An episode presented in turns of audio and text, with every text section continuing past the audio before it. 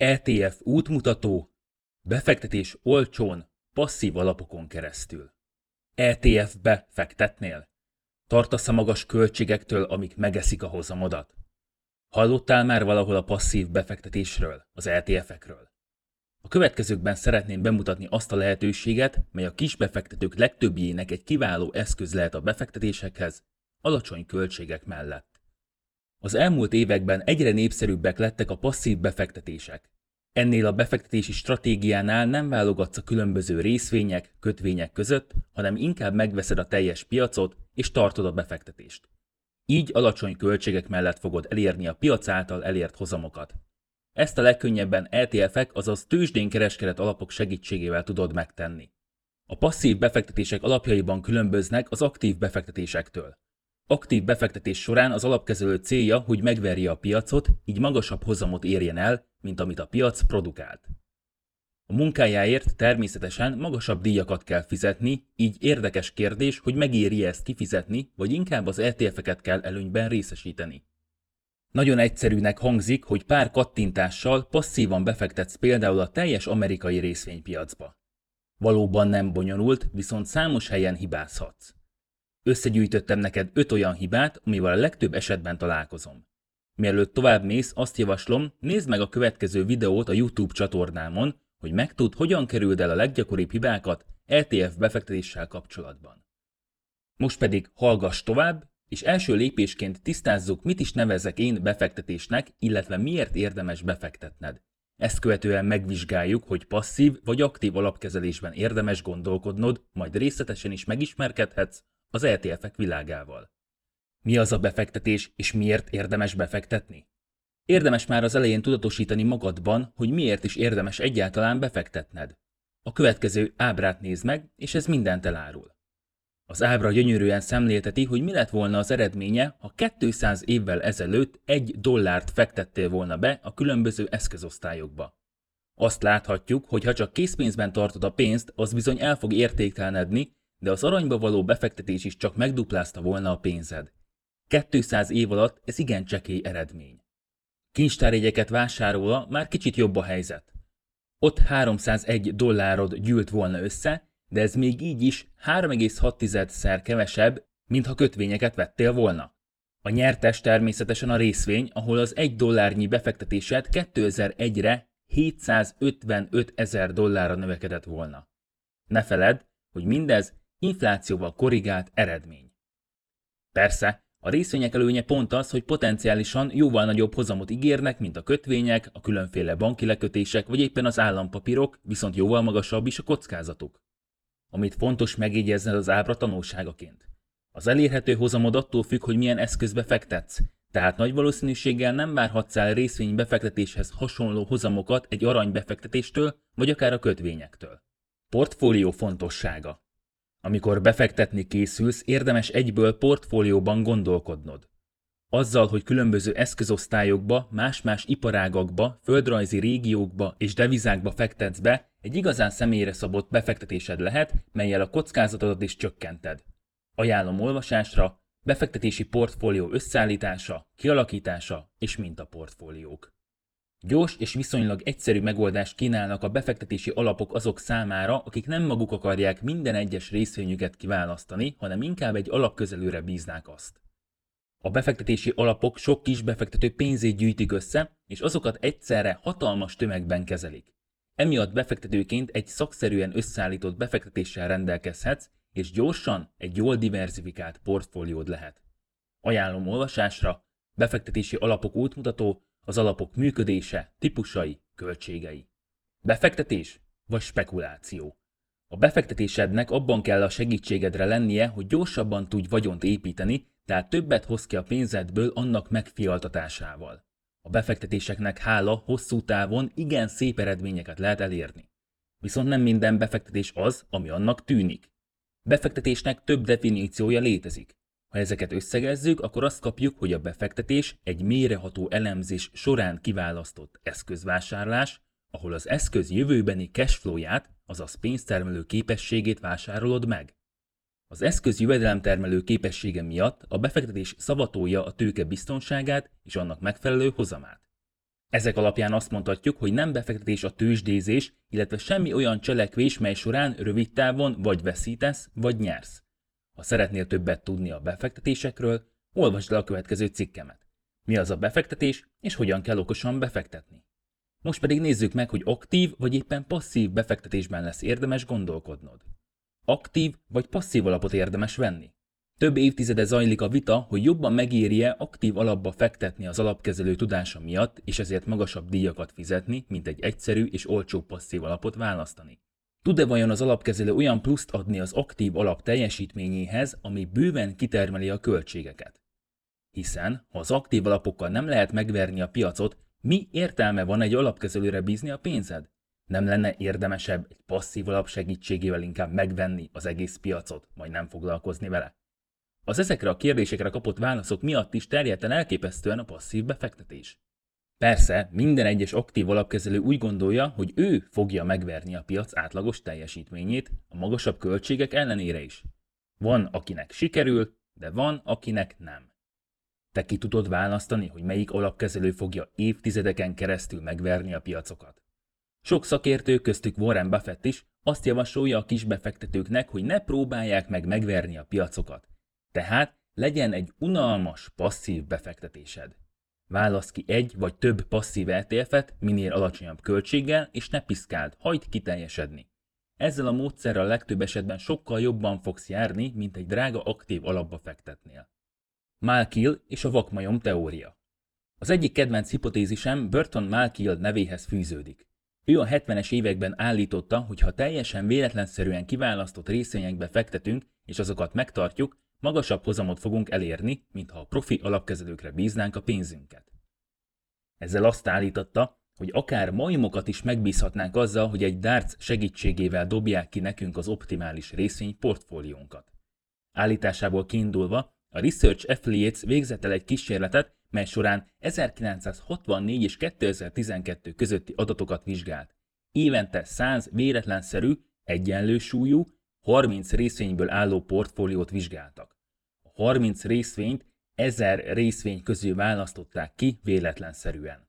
A kísérlet során bebizonyosodott, hogy igaza volt Malkielnek. A véletlenszerűen kiválasztott részvényportfólió megverte az aktív alapokat, tehát a legnevesebb szakembereknek sem sikerült felülmúlniuk a piaci átlagot. Ráadásul a majmok még a piacot is megverték. Persze, azért te ne kezdj el gondolkodás nélkül részvényeket vásárolni. Morningstar kutatása. A Morningstar kifejezetten európai alapokat vizsgált 2008 és 2018 között. Azt találták, hogy az aktív alapkezelők nem tudták megverni a piacokat. Összesen 9400 aktív és passzív alapot vizsgáltak 49 alapkategóriában. A 49 kategóriából mindössze kettőben voltak sikeresebbek az aktív alapkezelők. A kategóriákon belül pedig kevesebb, mint az aktív alapok 25%-ának sikerült csak megvernie a passzív alap versenytársát. E kutatások eredményei alapján már láthatjuk, hogy nem véletlenül terjedtek rohamosan az elmúlt két évtizedben a passzív befektetések. A Morningstar az amerikai Egyesült Államokra vonatkozó statisztikája azt mutatja, hogy míg 1995-ben mindössze 3%-át tették ki a passzív alapok a választható befektetéseknek, addig ez a szám 37%-ra nőtt 2017-re. Spiva kutatás.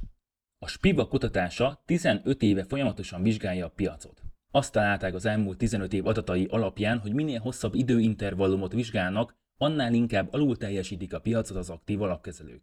Az alábbi ábra azt mutatja, hogy az amerikai részvényalapok hány százaléka teljesítette alul az S&P 1500 indexet az adott években. Hosszabb távon az eredmény még szembetűnőbb. Az aktív globális alapok 82%-a, míg az aktív nemzetközi alapok 92%-a nem érte el a piac teljesítményét az elmúlt 15 évben.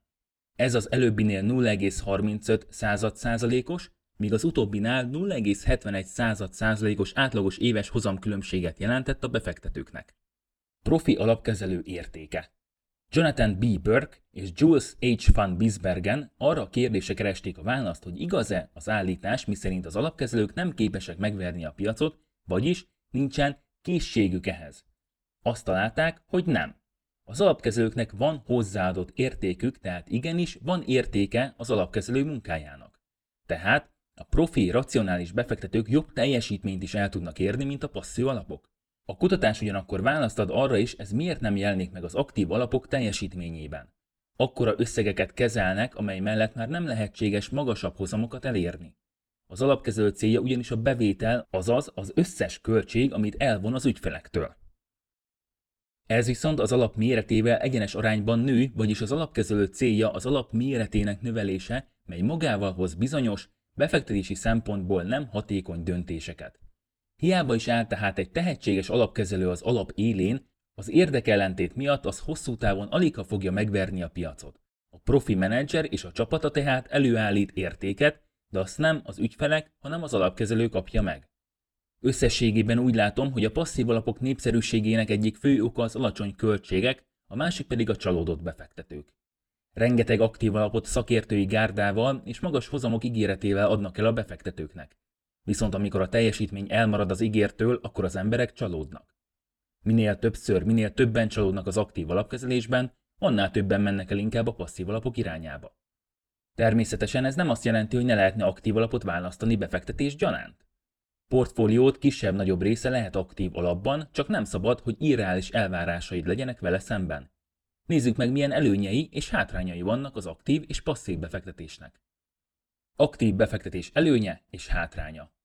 Amennyiben csak józanul átgondoljuk, nem lehetséges, hogy minden aktív alapkezelő jobb eredményt érjen el a piaci átlagnál, hiszen az ő teljesítményük is benne van az átlagban. Lesz olyan, aki megveri, lesz olyan, aki nem. Viszont mindegyik alapkezelő beszedi tőled a díjakat, amihez sokszor még sikerdíj is társul bizonyos teljesítmény felett. A probléma nem feltétlenül ott van, hogy nem jók a szakemberek, akik kezelik a pénzet, hiszen nagy tapasztalattal és még nagyobb tudással rendelkezhetnek. Arra viszont a legprofibbak sem képesek a legtöbbször, hogy 2-3 kal megverjék a piacot. Pedig erre lenne szükség, hiszen a legtöbb aktív alap másfél, illetve 3% közötti költséggel dolgozik.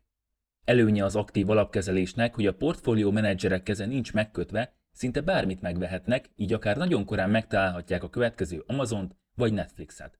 Azt neked kell eldöntened, mennyire gondolod valósnak, hogy újabb és újabb gyöngyszemeket találjanak. Szintén az előnyök közé kell sorolni, hogy az aktív menedzselésnek köszönhetően gyorsan tudnak reagálni a piaci változásokra. Ezért egy nagyon volatilis időszakban, vagy egy oldalazó piac esetén akkor is hozamot termelhetnek, amikor más passzív alapok erre nem képesek. Passzív befektetés előnye és hátránya. A passzív befektetés során minimális, általában 0,5% alatti költséggel tud számolni. Sőt, akár 0,1% körüli alapot is találni, ami azt is jelenti, hogy akár 20 30 akkora költséggel tudsz befektetni, mint egy aktív alap megvásárlása esetén. Az alapon belül nincs felesleges kereskedés, ami szintén hozzájárul a költségek alacsonyan tartásához. Persze, ez azt is jelenti, hogy nem tudsz meglovagolni piaci trendeket, és nem fogsz rendelkezni az éppen felfelé száguldó részvényből. További előnye, hogy mindig pontosan tudod, hogy mit tartalmaz az adott ETF, így magabiztosan dönthetsz a megvásárlásáról. Hátrányaként lehet említeni, hogy az adott alapon belül nem tudsz azon változtatni, hogy éppen mibe fektessék a pénzed. Ezért is érdemes egy személyre szabott portfóliót kialakítanod, ahol minden olyan eszközosztályba befektethetsz, amelyik szimpatikus neked. Az aktív alapkezelés mellett érvelők sokszor említik, hogy egy passzív alappal soha nem fogod megverni a piacokat. Nos, ez így van. Viszont ahogy láttuk, elég nagy a valószínűsége, hogy az aktív alapkezeléssel sem. Talán a leggyakoribb érv a passzív alapok ellen, hogy a kis befektetők nem akarnak felelősséget vállalni a döntéseikért. Sokkal jobb egy alapkezelőre bízni a pénzt, és ha az nem hozza a számokat, akkor az alapkezelőre mutogatni, őt hibáztatni. Pszichológiailag ugyanis sokkal fájdalmasabb, ha magunkat kell hibáztatni. Aki nem akar tanulni a befektetésekről, aki nem akar felelősséget vállalni a pénzéért, annak egy könnyű, ugyanakkor igen drága megoldás az aktív alap. Összességében elmondhatjuk, hogy egy portfólióban mindkettőnek meg lehet a saját szerepe. Nem kell kizárólagosságban gondolkodnod, hogy csak passzív vagy csak aktív befektetés. De tudd, hogy mit áldozol fel, ha másra bízod a pénzed. Tudd, hogy mi ennek a költsége és mire számíthatsz. Amikor hosszú évtizedekre tervezel, akkor biztos lehetsz benne, hogy lesznek olyan időszakok, amikor az aktív alapkezelés fog jobban hozni, máskor pedig a passzív. A lényeg, hogy tudd, mikor, miért az egyiket vagy másikat részesíted előnyben. Passzív befektetés kockázatai. Ahogy egyre többen fordulnak az aktív befektetéstől a passzív befektetések felé, úgy nő a különböző ETF-ekben tartott vagyon is. Olyannyira, hogy a Morningstar szerint hamarosan az is bekövetkezhet, hogy több pénz lesz a passzív alapokban, mint az aktívokban. Ennek azonban piac torzító hatásai is lehetnek. Minél több pénz érkezik egy passzív alapba, az adott tőzsdeindexben lévő vállalatok értéke már csak emiatt is emelkedni fog. Ezáltal pedig a hozamok is magasabbak lesznek.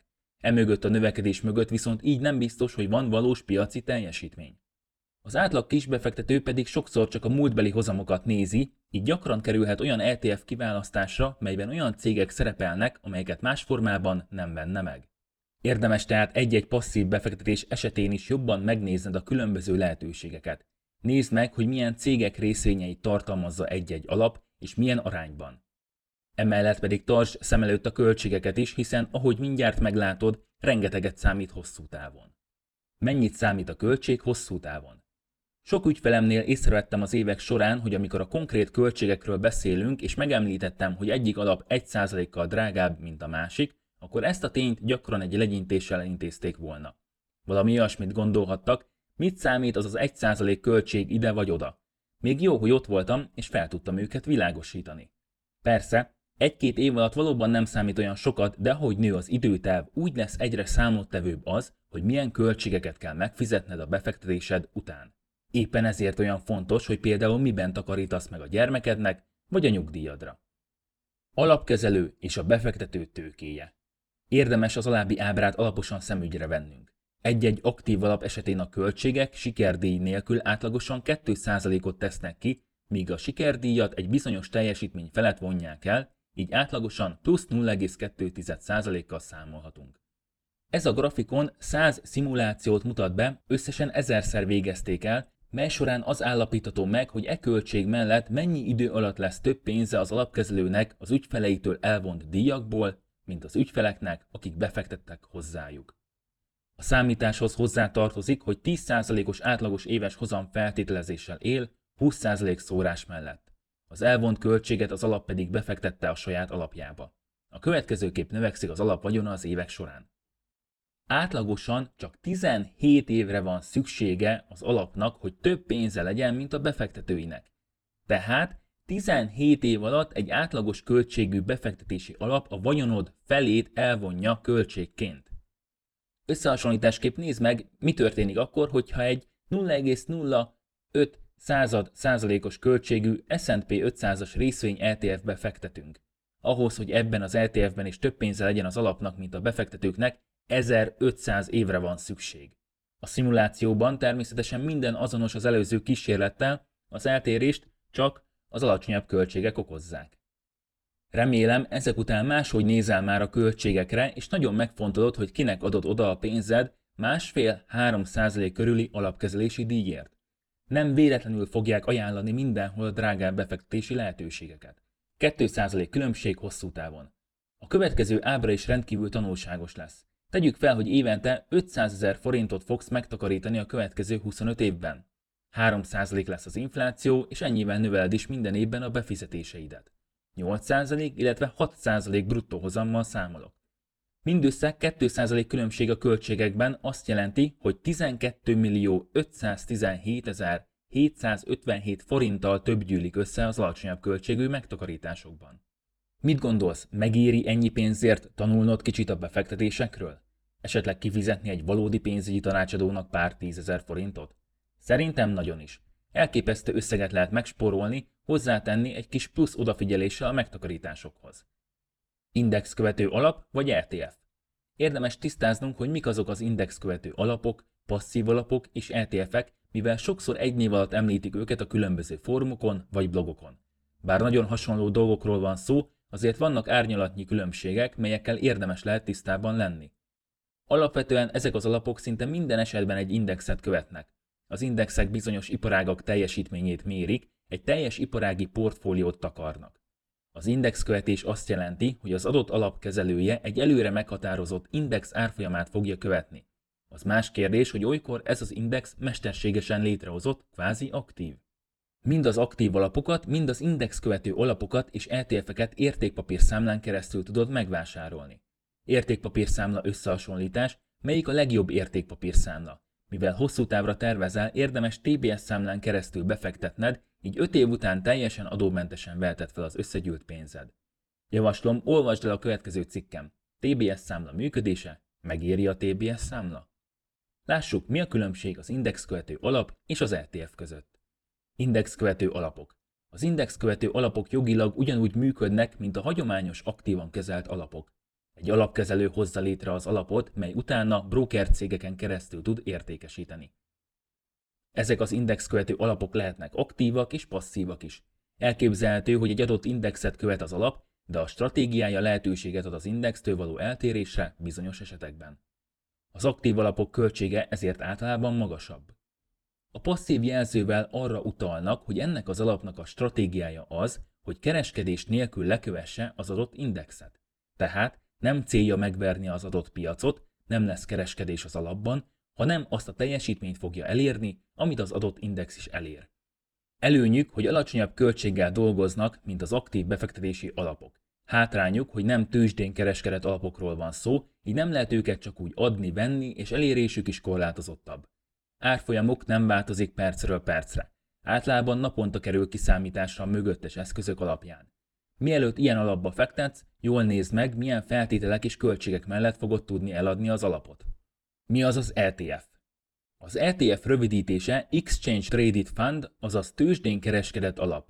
Egy olyan általában passzív indexkövető alap, melyet broker cégeknél tudsz megvásárolni, és az értékpapír számládon lesznek nyilvántartva.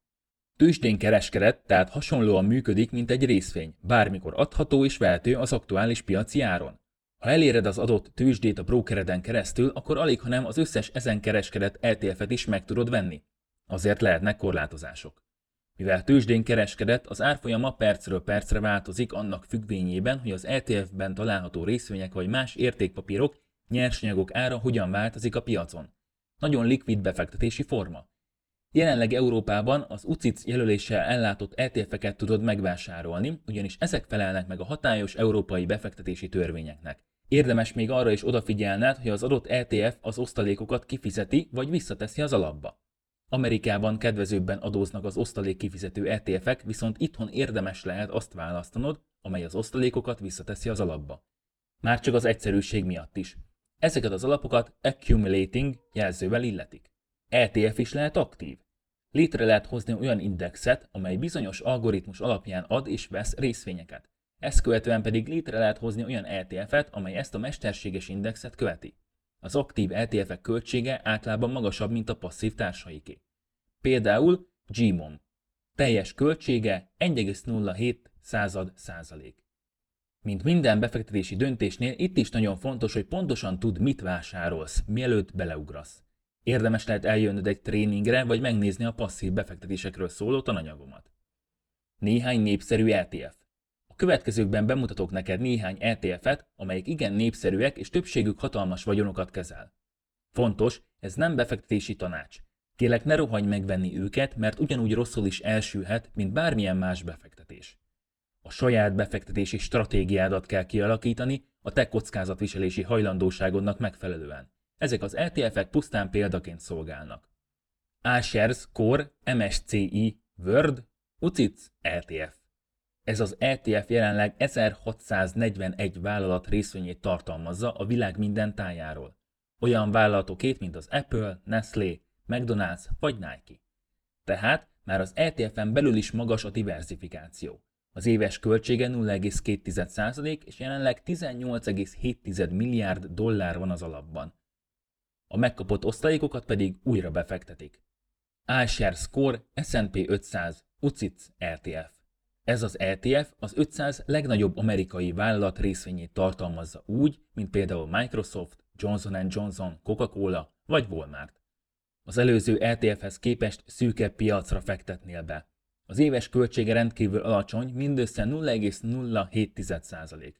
Mindössze 0,07%, az osztalékokat pedig újra befekteti. Jelenleg több mint 32 milliárd dollárnyi vagyonnal rendelkezik az alap. Bux ETF alap. Ennek az alapnak a segítségével a magyar tőzsdébe tudsz befektetni 0,69 század százalékos éves költség mellett. Ekkora költséggel már a drágább ETF-ek közé tartozik.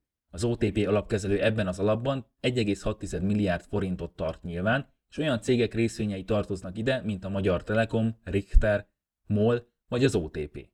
iShares Automation and Robotics UCITS ETF. Ez az ETF kifejezetten az automatizációval és robotikával foglalkozó vállalatokba fektet, így egy igen szűk piacról és fiatal ETF-ről van szó.